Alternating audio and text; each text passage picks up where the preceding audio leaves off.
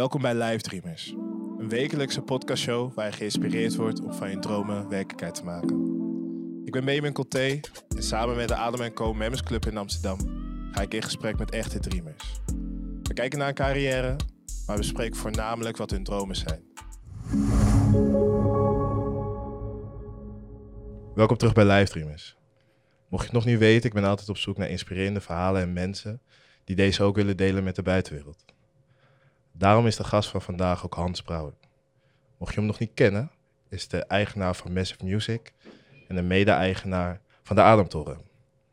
Massive Music maakt muziek voor commercials en merken. Dit hebben ze gedaan voor de Premier League, de Europa League en ook nog eens voor de Olympische Spelen. Naast Amsterdam zijn ze ook gevestigd in Tokio, New York, LA en Berlijn. Tijdens deze podcast ga ik het met Hans hebben over drie elementen: de pieken, de dalen en een nummer waar Hans geïnspireerd van wordt. Veel luisterplezier.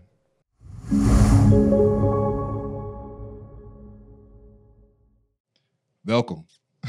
Dankjewel, dankjewel. We zitten in het uh, o zo mooie Adam Co. Ja. ehm, waarvan jij de mede-eigenaar bent. Ehm, van waar ben je Adam Co gestart eigenlijk? Eh, ja, dus de toren, zeg maar, is van Duncan Stutterheim, Sander Groet en ik. En wij hebben op een gegeven moment hadden we besloten hier zes horecabedrijven in te maken in de toren. Die hebben we een beetje verdeeld, want anders was het veel te veel om, eh, om te doen. Eh, want we, moesten, we gingen die toren ontwikkelen en we moesten ook nog dat allemaal invullen en gaan doen. Dus toen heb ik eigenlijk Moon, dus de, het, het ronddraaiende restaurant hierboven, Ja. en Adam Co. tot mij genomen. Of ik wilde eigenlijk Adam Co. doen. eh, en, en oprichten hier op deze verdieping. Eh, dus daar heb ik me mee bezig gehouden. En dit, is, dit was gewoon het idee om...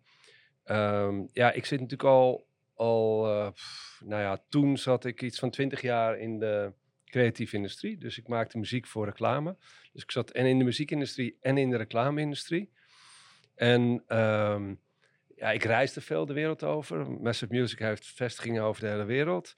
En ik zat altijd in, in, eh, in elke stad waar een vestiging was van Massive, is ook een vestiging van Soho House. Ja. Dus ik was vaak bij Soho House en dan, daar zag ik allemaal mensen die ik kende. Terwijl als ik in LA zat of in eh, wherever. En dat was leuk, want het was een, een creatieve community. Wel veel, veel reclame mensen, maar gewoon mensen, allemaal inspirerende mensen, allemaal leuke mensen. Ja.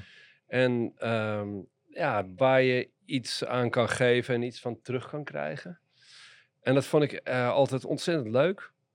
En Soho House was toen nog niet in Amsterdam. En wij openden de toren. Dus ik dacht, wij gaan, ik ga, wij gaan gewoon de Amsterdamse Soho House doen. Ja. Maar dan niet Soho House natuurlijk, want dat is een beetje posh. Wij gaan het op de Amsterdamse manier Ja. doen. Ja, zodoende is Ermico ontstaan. En ehm, je had het net over creatieve mensen, dat je daar juist heel, dat vond je heel leuk. Ehm, Ja. Van waar kreeg jij je inspiratie uit om met zulke mensen om je heen te hebben?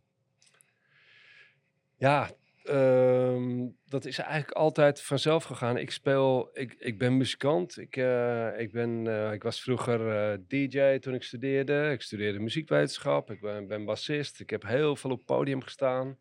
Eh, altijd met muziek bezig. Alles was muziek. En ehm, ja, en toen kwam ik, ehm, ja, toen kwam ik op een gegeven moment eigenlijk per toeval in de reclame terecht. En ik had natuurlijk tot, da- dat was pas op mijn 32e. En eh, tot dan toe had ik eigenlijk alleen maar, weet je wel, een honderdje hier en een tientje daar verdiend. Ja. Met muziek. En, eh, en op dat moment had ik ineens goede budgetten om met hele goede mensen, hele hoogwaardige producten, ik wil eigenlijk muziek geen product noemen, maar Ja. eh, tracks te, te maken voor commercials. Ja. Ja, en dat vond ik meteen zo helemaal te gek. Dat, eh, ja, voor mij viel alles op zijn plek. Dus dat wist ik al meteen, dat ga ik doen. En ja, als je je hele leven alleen maar in de muziek en later dus ook de reclame en film wat er omheen zit natuurlijk met het maken van commercials en zo, te maken hebt, dan, ja, dan, dan ben je alleen maar omringd met eigenlijk wel toch wel creatieve mensen. En eh, ja, ik word daar heel blij van. Ik ben 59. Ja. Maar ik voel me geen 59. Maar het komt voornamelijk, denk ik toch, omdat ik en in de creatieve industrie werkzaam ben, maar ook met allemaal jonge creatieve mensen. Ja. Constant te maken heb. Waardoor je geest ook wat verjongerd is, zeg maar. Als je met jonge mensen ja. heen hebt. Ja, dat Ja. denk ik echt. Ik bedoel, eh, ja, ik kan me wel andere banen verzinnen waar dat volgens mij anders is. Ja, mooi. Laten we even teruggaan, want je, be- Ja. begon net van... eh, ik ben DJ geweest, eh, bassist, et cetera. In je twintig eh, jongere jaren, Ja? toen begon je als DJ, als ik het goed heb. Mhm. En naast DJ, deed je, wat deed je nog meer? Ehm, ja, dus ik, ik heb een hele lange tijd over de middelbare school gedaan. Ja. Acht jaar over eh, het Atheneum. Ehm, maar toen ik in de vierde klas zat, toen draaide ik al op eh, hier in de stad en, en op feesten. Ja, het komt eigenlijk omdat wij hadden een bandje. Ik had een bandje, ik speelde in een bandje. Ja. En mijn broer ehm, en de zanger, die waren eigenlijk audio freaks Mhm. die mixen hier nog steeds wel eens bandjes. Het is echt... Maar die, die, eh, ja, die hielden enorm van geluid en geluidstechniek en zo. Dus die gingen, ehm, die gingen in- voor het bandje waar ik in speelde dan een hele grote PA kopen. Geluidsinstallatie. En dan, want dat vonden ze te gek, dan konden ze dat doen. Mhm. Alleen dat bandje speelde helemaal niet zoveel. We zijn helemaal niet zo'n goed bandje. Dus toen besloten wij van, oké, dan gaan we daar eh, ook een soort drive-in show, heette dat toen. Dus dan gaan we die, die geluidsinstallatie gebruiken voor feesten op locatie. En dat waren voornamelijk studentenfeesten. Ja, Dus toen stond ik eigenlijk al vrij jonge leeftijd eh, op dat soort feesten te draaien. En toen, dat ging door naar studentendiscotheek in de stad. Eh Dans bij Jans heb ik vijf jaar gedraaid. ja. Ja, jullie kennen het nu van eh Jans, hoe heet het? Met die uitspraak. ja, ja, precies. maar, ehm, Maar het was ook altijd een hele goede discotheek in de stad. Mhm. Ja, nu Disco Dolly, hè? maar ehm, dan ga je, zeg maar, dan kom je op die plekken. Ja. Want je bent ook boeker geweest. Ja. Ehm, maar hoe kwam je daar, zeg maar? Want het is niet van, oh, we hebben een bandje en we komen gelijk op al die plekken. Nee, nee, nee. Ik, was altijd zeg maar de, de, de organisator. Dat ben ik eigenlijk nog steeds. Dat ben je ook als je een bedrijf begint en je wordt de baas en eh, je, er komt personeel onder je enzovoort. Dan ben je ook eigenlijk nog steeds een soort regelaar. ja, Ik zag mezelf vroeger echt altijd als de, de hosselaar, weet je wel, de regelaar. Dus als ik in een bandje speelde, dan, ja, dan haalde ik eh, de, eh, het busje en dan rekende ik af. En dan stond ik soms nog, als we twee sets speelden, tussen de sets in te draaien. Mhm. En eh, ik rekende af, eh, bla bla bla. Dus ik deed de boekhouding. ja, Nou, niet altijd. Er was ook op een gegeven moment eh, de trompetist in de band die dat deed. Maar, dus ik was altijd wel de regelaar. En ik heb me nooit gerealiseerd dat toen ik begon met ondernemen, was het eigenlijk, had ik al een enorme ervaring. Doordat ik met Sold Out en de Horns, dat was een soulband waarin ik, die ik Nee, had. zat- En daar hebben we 600 keer mee gespeeld. Ja, Ook in het buitenland. Het was een heel succesvolle band. Dus dan Mhm. speelden we ja, lange tijd twee keer per week. We studeerden allemaal. ja, Maar we speelden heel veel. Dus dat is, dat is eigenlijk gewoon een serieus bedrijf. ja, En ehm, ik had het helemaal niet door. Want wij deden gewoon wat we leuk vonden. We deden gewoon onze hobby. En, ehm, maar e- eigenlijk als je terug... Later toen ik terugkeek... We hadden negen man in de band. Mhm. En daar zitten natuurlijk allemaal ego's in. Dat zijn allemaal muzikanten, Ja. weet je wel. eh, ja, die moest je in het pre... opa vertelt. In het pre-mobiele telefoon en internettijdperk... moest je die op dezelfde plek zien te krijgen... op het juiste moment... om naar het optreden te Ja. rijden, enzovoort, enzovoort. En Zonder telefoon. Ja, met een gewone vaste lijn, Ah. weet je wel. En een antwoordapparaat.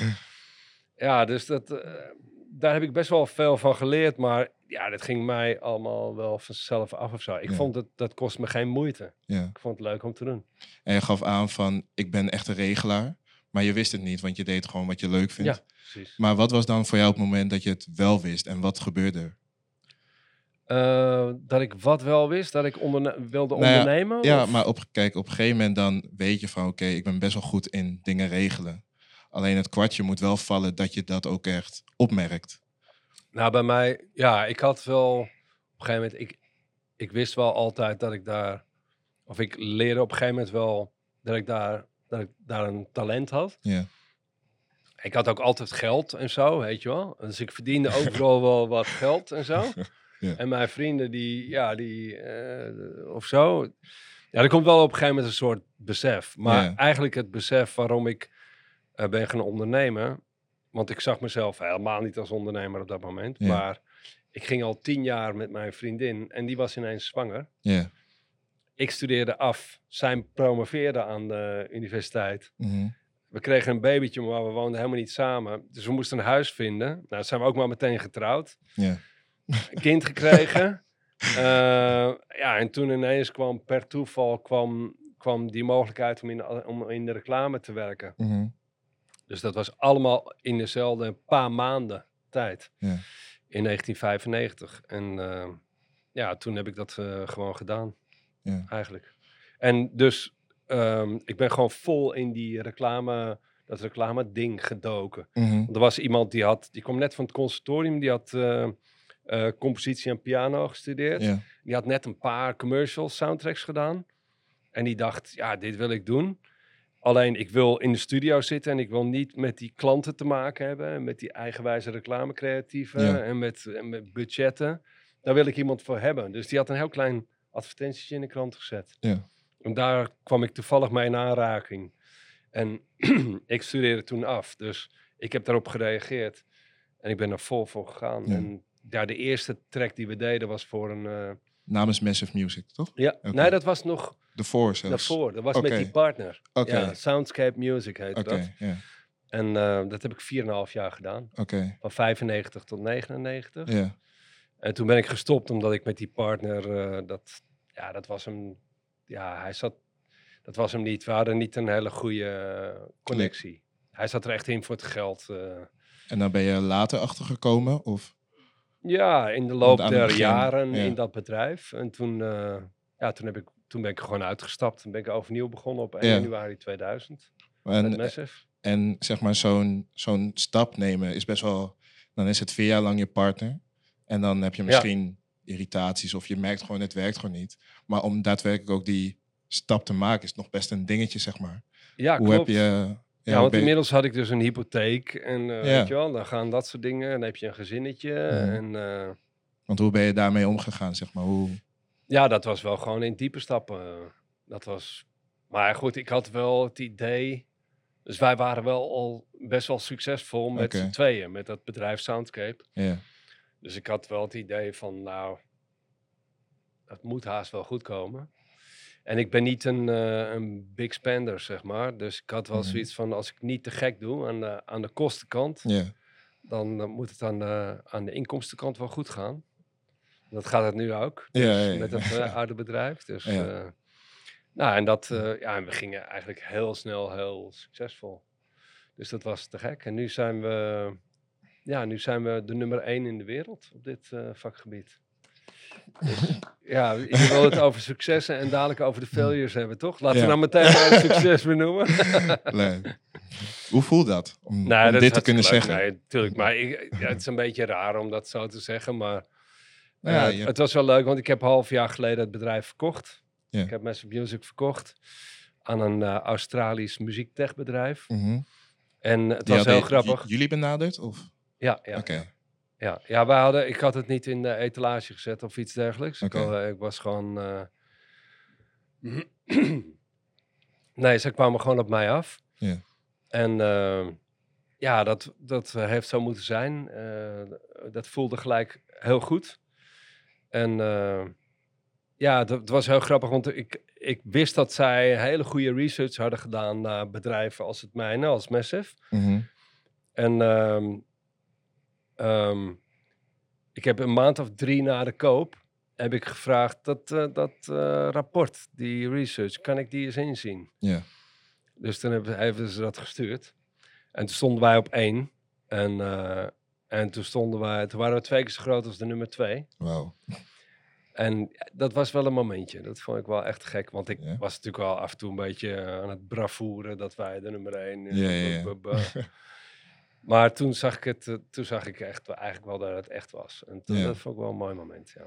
Een moment om nooit te vergeten. Ja, Ja. Nou, het is grappig, want wij, het is een bedrijf uit Amsterdam, weet je wel. Mhm. En wij hebben in Nederland helemaal geen muziektraditie.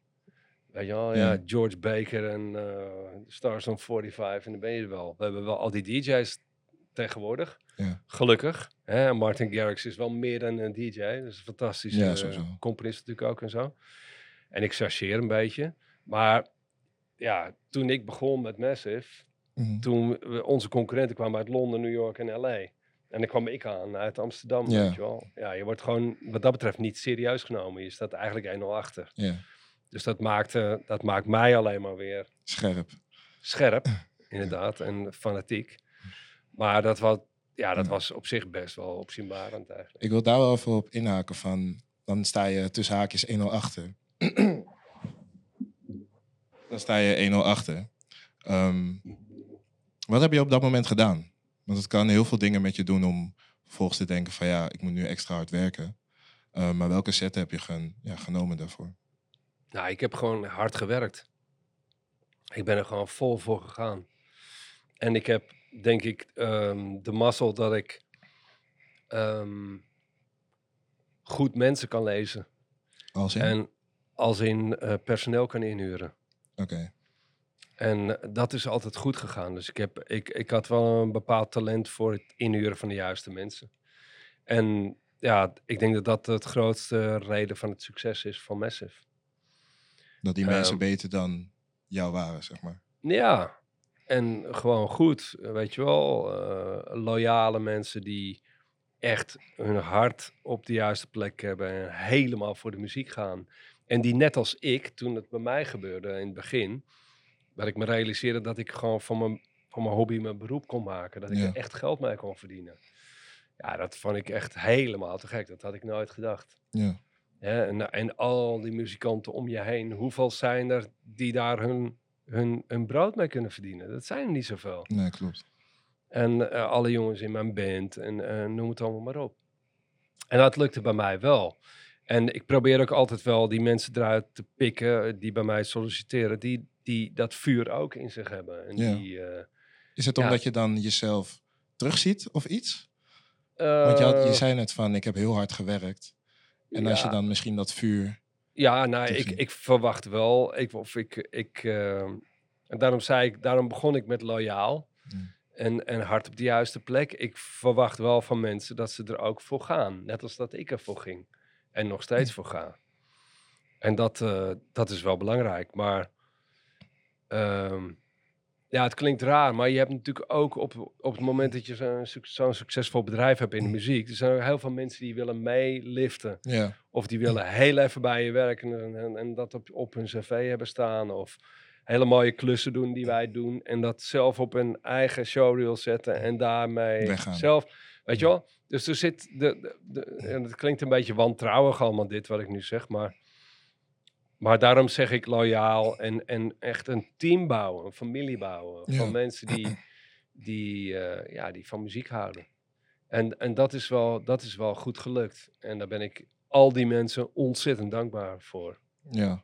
En Dat ze dit met mij hebben willen doen. ik vind het ook mooi dat je zegt van... ehm, voordat je überhaupt echt naar de werk kijkt...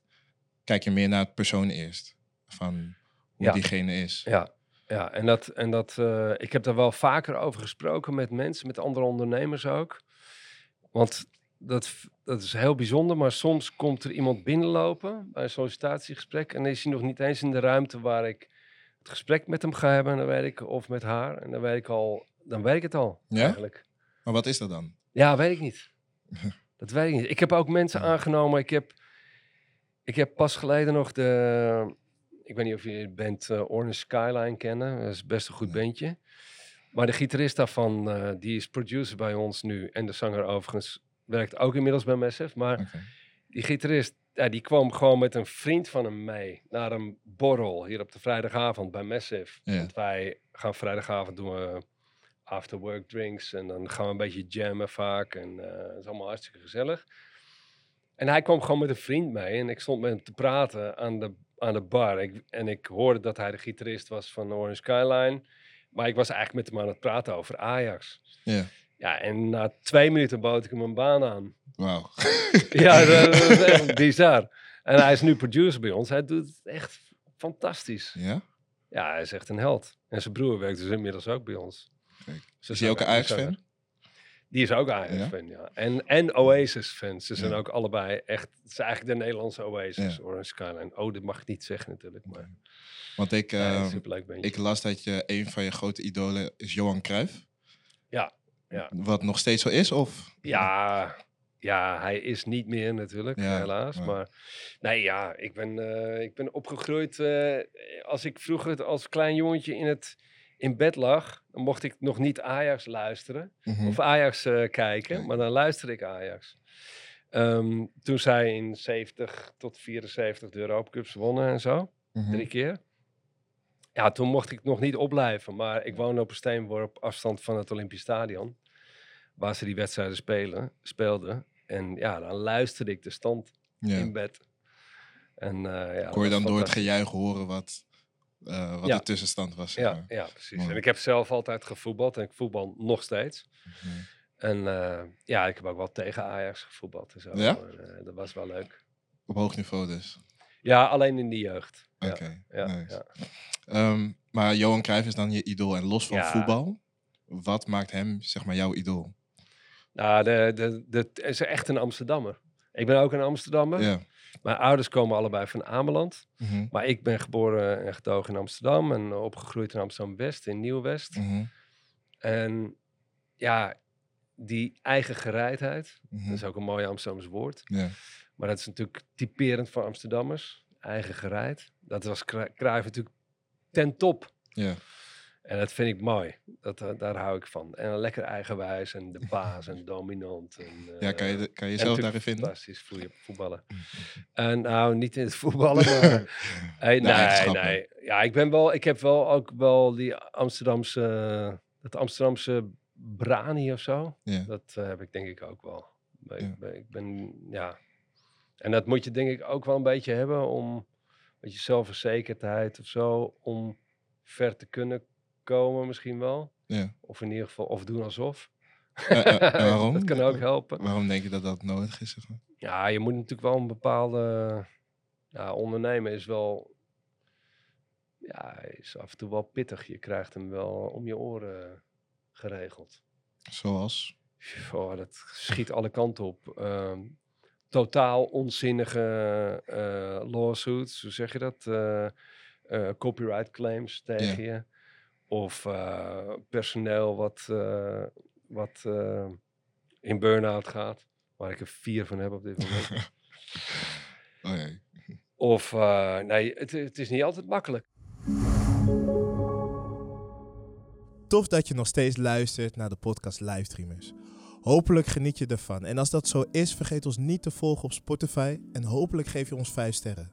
En één ding, maak van je dromen werkelijkheid. Wat is de grootste les die jij eh, persoonlijk hebt geleerd, zeg maar?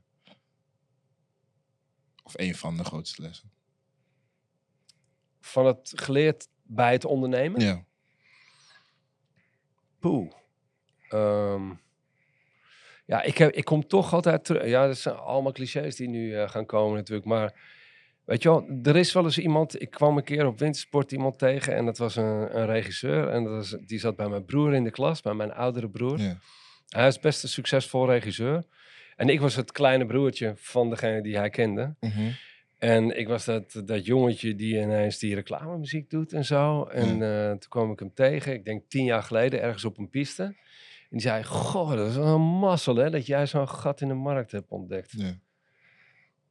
Nou, dat vond ik zo'n denigrerende opmerking. Dat vond ik zo ongelooflijk veel zeggen over hem. Ja.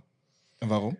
Ja, omdat ik gewoon... Het is natuurlijk geen gat in de markt. Toen ik begon met reclamemuziek, Ja. toen had je Ilja Gort en Jaap Eggermond en eh noem het allemaal maar op. Mhm. Dat was gewoon een, ook toen een beroepsgroep. Dat was ook een métier, Ja. weet je wel. En dat was geen gat in de markt. Dat was gewoon hard werken en proberen je positie in de markt te veroveren. Ja. En dat heb ik gedaan. Ik heb keihard gewerkt. En ja, dus dan is dat zo'n denigrerende opmerking, snap je? Voelt als een soort... Dus- Dus dan kom, ik kom terug op het harde werken. Het is toch gewoon, ja, er is natuurlijk talent voor nodig op allerlei gebieden. Hè, wat in de, in de creatieve industrie af en toe best lastig is, is dat, het, dat je en creatief en zakelijk moet zijn die combinatie, die kom je niet zoveel tegen. Ja. En ik denk dat ik die, of in ieder geval de zakelijke kant heb ik in ieder geval wel. De creatieve kant iets minder, denk ik. Maar, Mhm.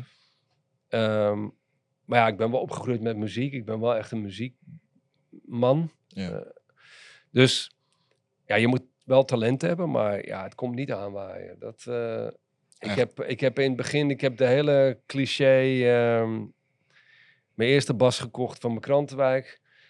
Al die eh, toestanden. Ik heb, eh, toen ik voor het eerst naar Duitsland ging met mijn showreel met vijf crappy commercials, Ja. sliep ik gewoon in de jeugdherberg met vier stapelbedden op één kamer Wauw. van 15 Deutschmark. Ja.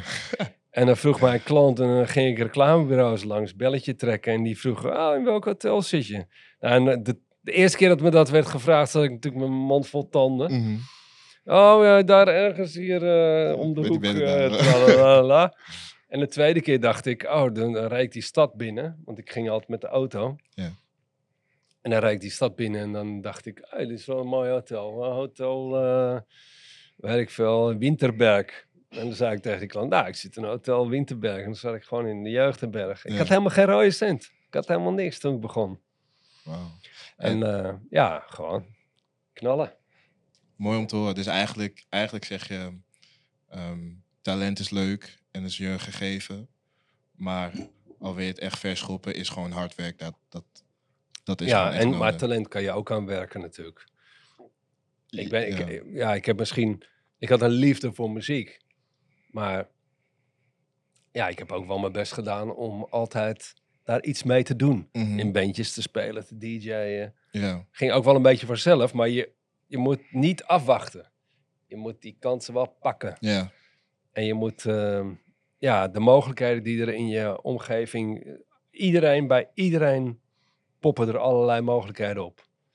Alleen je moet ze zien, je moet ze pakken en je moet ze doen. ja. En, dat, is wel, eh, dat is wel waar het allemaal een beetje om draait. En hoe kan je die kansen zien? Want soms, soms zie je het Ja. gewoon niet. Maar. Ja, door, eh, ik wou heel flauw zeggen, door je ogen te openen. maar eh, ja, ja, door wel je blik gewoon ruim te hebben en, en er wel voor open te staan. Ja. In hetgeen wat jij wilt, zeg maar. Ja, ja, ja. En ook, weet je wel, met contacten. Dat is ook hier bij de club. Hier lopen fantastische mensen rond. Ja, nu is het allemaal corona geweest. We moeten weer een beetje opbouwen. Ja. Maar we hebben ook al een verleden eh, van zes jaar eh, de club. Ja, daar lopen fantastische, fantastische mensen en die leer je kennen. Die kan je gewoon leren kennen. Ja. En door het gesprek aan te gaan, ja, kunnen zomaar weer nieuwe kruisbestuivingen ontstaan. En daarom, Mhm. hebben we- daarom heb ik de club ook opgericht. En er zijn ook bedrijven ontstaan hier en zo, van mensen die elkaar hier hebben leren Oh, echt? kennen. En, ja. En dat is natuurlijk hartstikke leuk als je daar ontvankelijk voor bent. Dus we doen bijvoorbeeld, of deden, of doen, of gaan binnenkort weer doen, ehm, een eh, captain's dinner. Dus gewoon Oké. één keer per maand deden we dat, geloof ik. Dus aan die grote tafel hier aan de achterkant doen we gewoon een etentje met eh, leden Mhm. die, die gewoon met één persoon zeg maar kunnen inschrijven. Oké. Dus dan zit je met negen andere mensen die hier lid zijn te eten. En het zijn allemaal dus mensen uit de creatieve industrie. Ja. Want RM Co is er voor de creatieve industrie. Dus je weet dat je met soortgelijke zielen aan tafel zit. Alleen, ja, de een is modeontwerper en de ander is architect. Totaal wat anders. Ja. En de ander is een junior eh, designer. En eh, de ander is weer een muzikant. ja. En, maar vaak is het ook, zeg maar, heeft het lot bepaald waar je terecht bent gekomen. Ik was altijd een muziekman. Ik ben opgegroeid in een muzikaal nest thuis. Mhm. En, maar ja, ik had ook, ik weet ook nog wel dat ik de foldertjes ging halen van, design, van de Design Academy. Ja. Eh, want ik vond ontwerp ook wel leuk. Maar goed, dat was niet heel eh, serieus. Maar ik heb het wel ooit Gedaan. opgevraagd. Dus voor hetzelfde geld, je niet in een muzikaal nest en eh, kom je daar terecht. En dan, ik wil maar zeggen, van, dan had ik hier gezeten als designer misschien. Ja. En terwijl, dan had ik iemand uit de muziek leren kennen, waar ik me heel verwant mee kan voelen. Voelen. Alleen, je hebt een heel andere basis. gehad, ander, zeg maar. eh, ja, ander ding. Je bent in een, een ander métier terechtgekomen van de creatieve industrie. Maar dat wil niet zeggen dat je ander, ander soort mens bent natuurlijk. Dus dat Nee. is hartstikke leuk. Dat kan heel goed connecten. En ja, ik hoop dat dat gewoon gebeurt hier in de club. Dat vind ik heel leuk. Het is ook fijn dat je daardoor zeg maar ehm, je visie ook alleen maar kan verbreden. Want wat je net Ja. al aangaf, je komt met zoveel verschillende mensen te maken, Ja. eh, krijgen te maken, waardoor je, ja, je, je- iedereen heeft een andere denkwijze in een andere soorten sector, zeg maar. Ja, En het helpt alleen maar om da- met dat soort mensen in gesprek te raken. Ja. Dus dat is super mooi. De hele week zat ik na te denken van oké, met wat wil ik het allemaal over, eh, waarover ga ik het met Hans erover hebben? En ik weet niet waarom, maar geld kwam best wel snel naar boven. Ehm, en niet per se dat ik hoef te weten wat, hoeveel je op een rekening hebt en zo, dat soort dingen. Maar wat je net ook al best wel vaak benoemde is van, ehm, ik had niks te makken.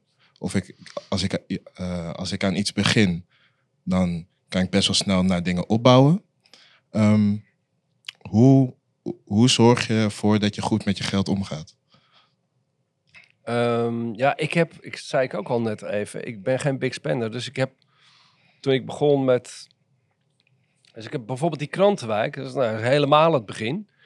Ik legde alles wat ik verdiende met die krantenwijk Mhm. apart. Want ik wilde die basgitaar, die Ja. Fender Jazzbas kopen. Ja, En dat was mijn, ja, dat, eh, weet je wel. Dus ik had, ik had wel zakgeld en weet ik van, daar deed ik de Ja. rest mee als jongetje. En dan was ik 14, 15. Hè? En dus ik was wel altijd al zo bewust van geld, van dat is daarvoor en dat ga ik daarmee doen. ja, En dan, dus dat, dat zit wel een beetje in mij of zo. oké. Dus Mijn moeder zei, zei het, eh, zal ik nooit vergeten. Die zei, als er een cent op straat ligt, centen, toen stonden er nog centen. Als er een cent op straat ligt, dan pak jij hem op en je broer loopt eroverheen. Oké. Dus, maar ja, dat, weet je, ik was altijd wel me heel erg bewust van geld. Ik was Ja. niet zozeer zuinig of zo, of, eh, ik, maar ik was heel, daar heel serieus mee bezig. Had je dat En meegegeven? later met, ja, Of was het iets ja, vanuit maar mijn broer en mijn zus zijn weer heel anders. Dus was gewoon echt jouw... ja, dat zit denk ik in Ja. de genen bij mij weer of zo. Ja, oké, mooi. Maar goed, niet dat ik, eh, nog, nogmaals, ik ben niet zuinig of krenterig of wat dan ook, maar ik denk er wel over na. En toen bij ondernemen, dan is het natuurlijk wel belangrijk dat je, ja, dat je bewust omgaat met je, met je uitgavenpatroon. Ik heb, ik heb ooit eens meegeholpen, nog voordat ik ging ondernemen met een jongen die had, die zette de Bentotheek op. Het is echt een heel grappig businessmodel als je daar nu over nadenkt in eh, internettijd. Maar dat was gewoon een soort bibliotheek voor bandjes. ja. Dus dan kon je gewoon in kaarten bakken, zeg maar platen bakken, zoals je vroeger platen bakken in platenzaken had, kon je gewoon bandjes uitzoeken. Mhm. Op zich best een aardig idee. Maar die jongen die, die begon dat bedrijf en kocht meteen een nieuwe Volvo stationcar. Ja. Terwijl er helemaal, er was nog geen knaak verdiend, weet je wel. Ja. En hij had een klein beetje geld van zijn vader gekregen en dat ging meteen op. Ja. Ja. dus dat was wel een mooi leermomentje. Dus daar heb ik wel, eh, Ja. daar heb ik ook wel van geleerd. Van ja, dat, dat bedrijf dat hield dus gewoon na een half jaar op. ja. Want Omdat dat, het meteen... ja, was- ging meteen Die, die jongen snapte helemaal niet hoe die met geld om moest gaan. Ja. Dus natuurlijk is dat belangrijk. De reden dat ik het vraag, omdat ik... Ik denk dat er best wel veel jong volwassenen... Op een gegeven moment kom je op een leeftijd dat geld binnenkomt. Maar je hebt ook gewoon vrienden die uitgaan... eh, die gewoon gezelligheid willen opzoeken. Omdat dat ook gewoon hartstikke leuk is. Ehm, alleen krijg je ook met ome duo te maken. Die ja, eigenlijk zorgt voor schulden, zeg maar. Ehm, dus wat zou jij willen meegeven aan jongeren... die toch nog willen genieten... maar ondertussen ook bijvoorbeeld aan hun business willen werken? Aan hun dromen? Maar je bedoelt die, die het lastig hebben in de geldsituatie. Ja. Ja, dat Of is die het gewoon moeilijk vinden? Omdat- Ja, ja, dat, ja het- ik kan niet anders zeggen dan dat het natuurlijk ook moeilijk is. Of kan zijn. Ehm, ja, ik kan alleen uit mijn eigen ervaring spreken. En dan heb ik gewoon altijd baantjes erbij genomen, toch? ja. En gewoon altijd gewerkt. Ik eh, was twee keer in de week DJ en eh, kwam ik om eh, half zes thuis. En dan moest ik om negen uur naar college. Ja, en ik deed het wel. Mhm. Weet je wel? En eh, de makkelijke weg. Ja, ik zal niet zeggen dat als je geen geld hebt, dat, het- dat je dan eh, de makkelijke weg kiest. Zo is het natuurlijk helemaal niet. Maar ik kan natuurlijk alleen maar uit mijn eigen ervaring spreken. Ja. En ik, had ook, ik heb ook gestudeerd. eh, en, en ik moest mijn studie zelf betalen. Ja. En Want ik kreeg geen studiebeurs, omdat ik geld verdiende. Mhm. Dus, dus ik moest ook werken en, en ik moest het ook op die manier doen. Ja.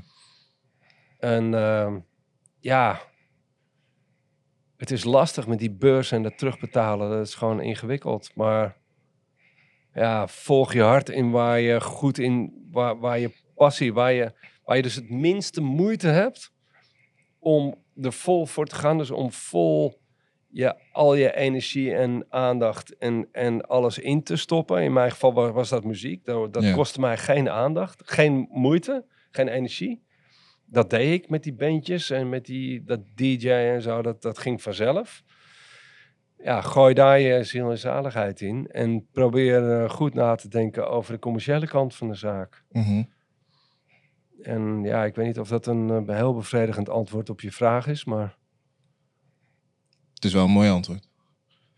ja, ik hoop het. Ik hoop dat, ik hoop dat eh, mensen daar iets mee kunnen. Maar ja, het, eh, kijk, volg je hart en, en de passie en waar je heen wil gaan. Ja, het zijn allemaal van die clichés. Het is zo moeilijk om, Om buiten clichés om te praten eh, Ja. bij dit soort vragen. Maar ehm, ja, dan kom je toch weer terug bij jezelf. En hoe heb jij dat gedaan? En hoe is, dat, eh, hoe is die ervaring voor mij dan geweest? Ja. Ja.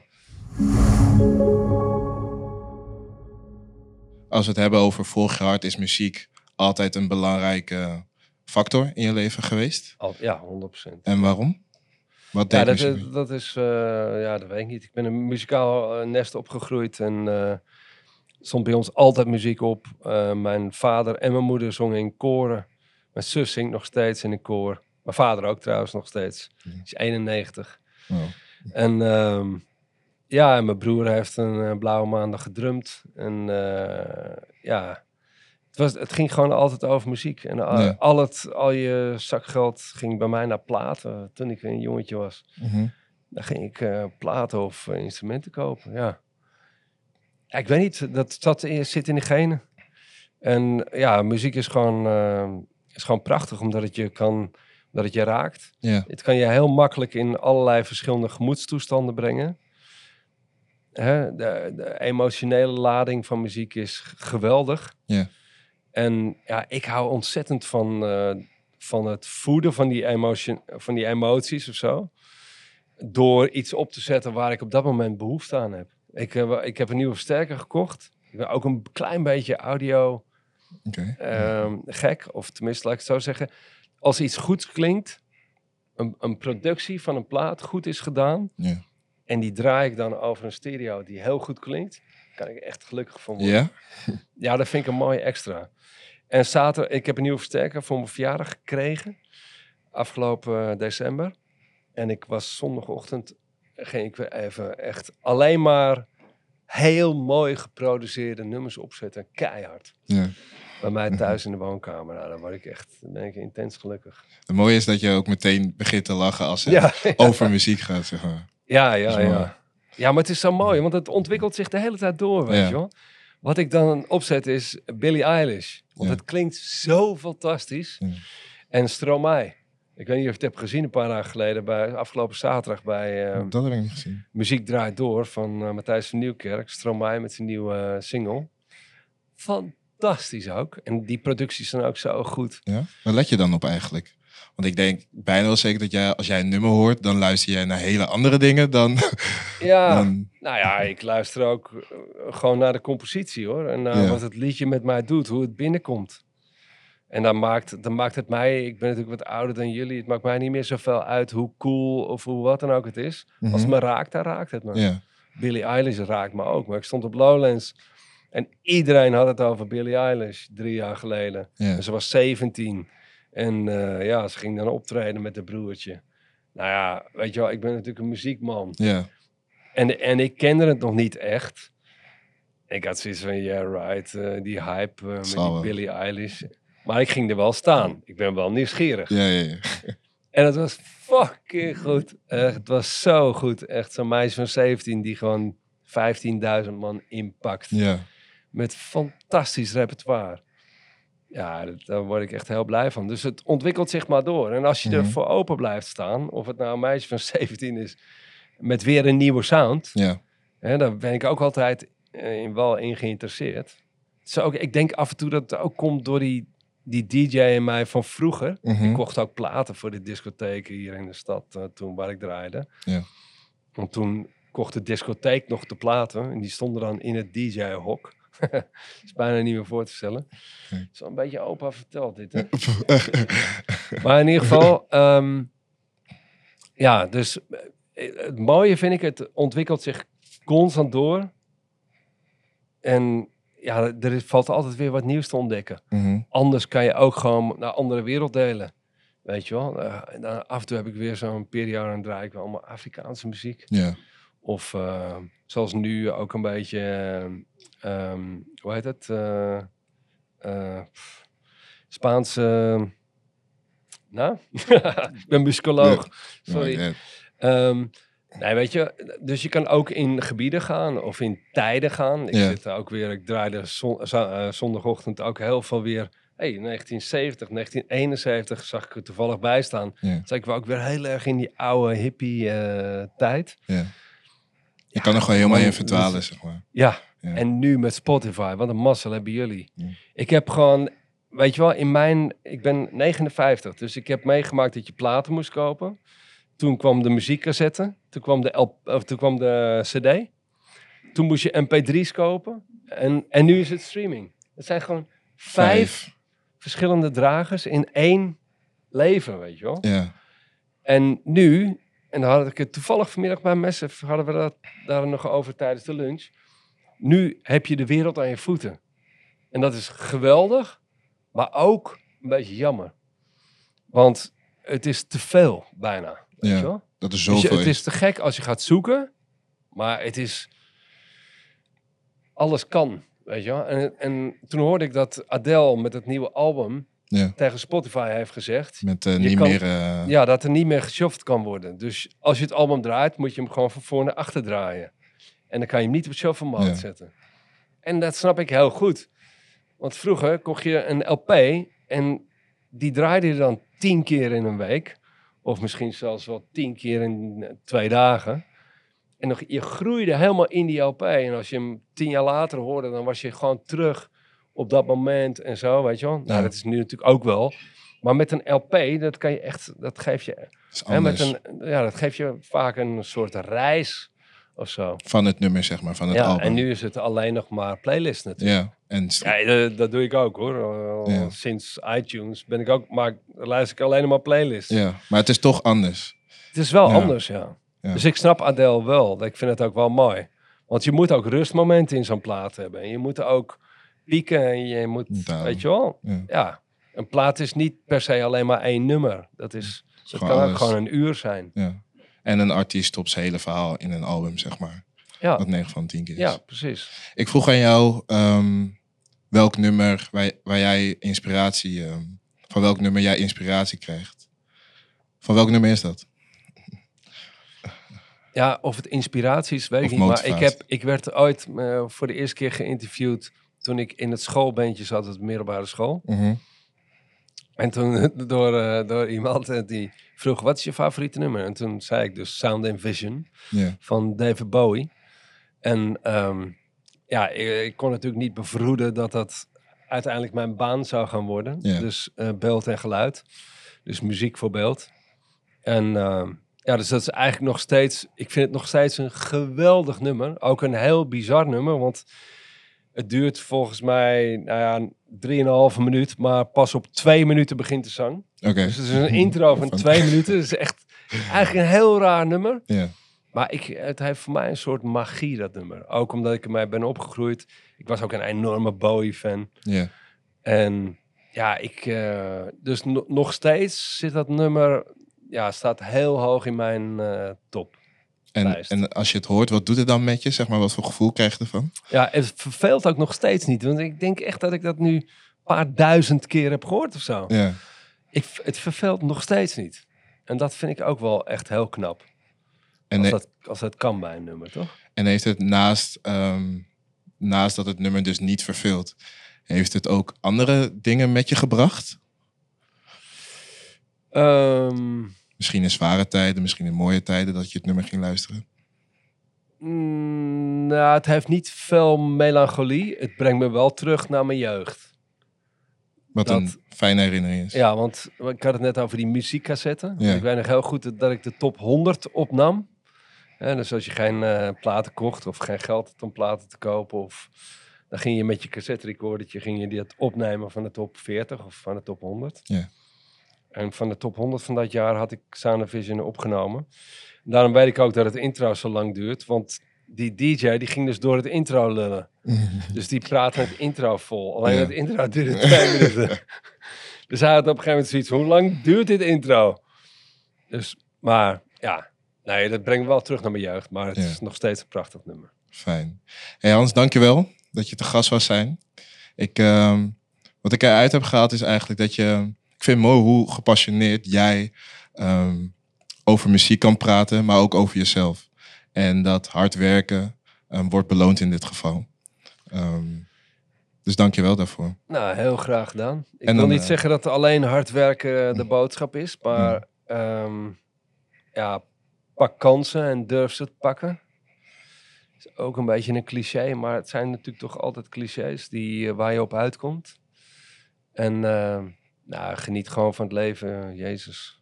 Echt, eh, Het is mooi het, is, afsluiten. het, is, eh, het is prachtig, man, het leven. Zelfs in coronatijd is het nog mooi. ja. Dan gaan we nu naar je favoriete nummer luisteren.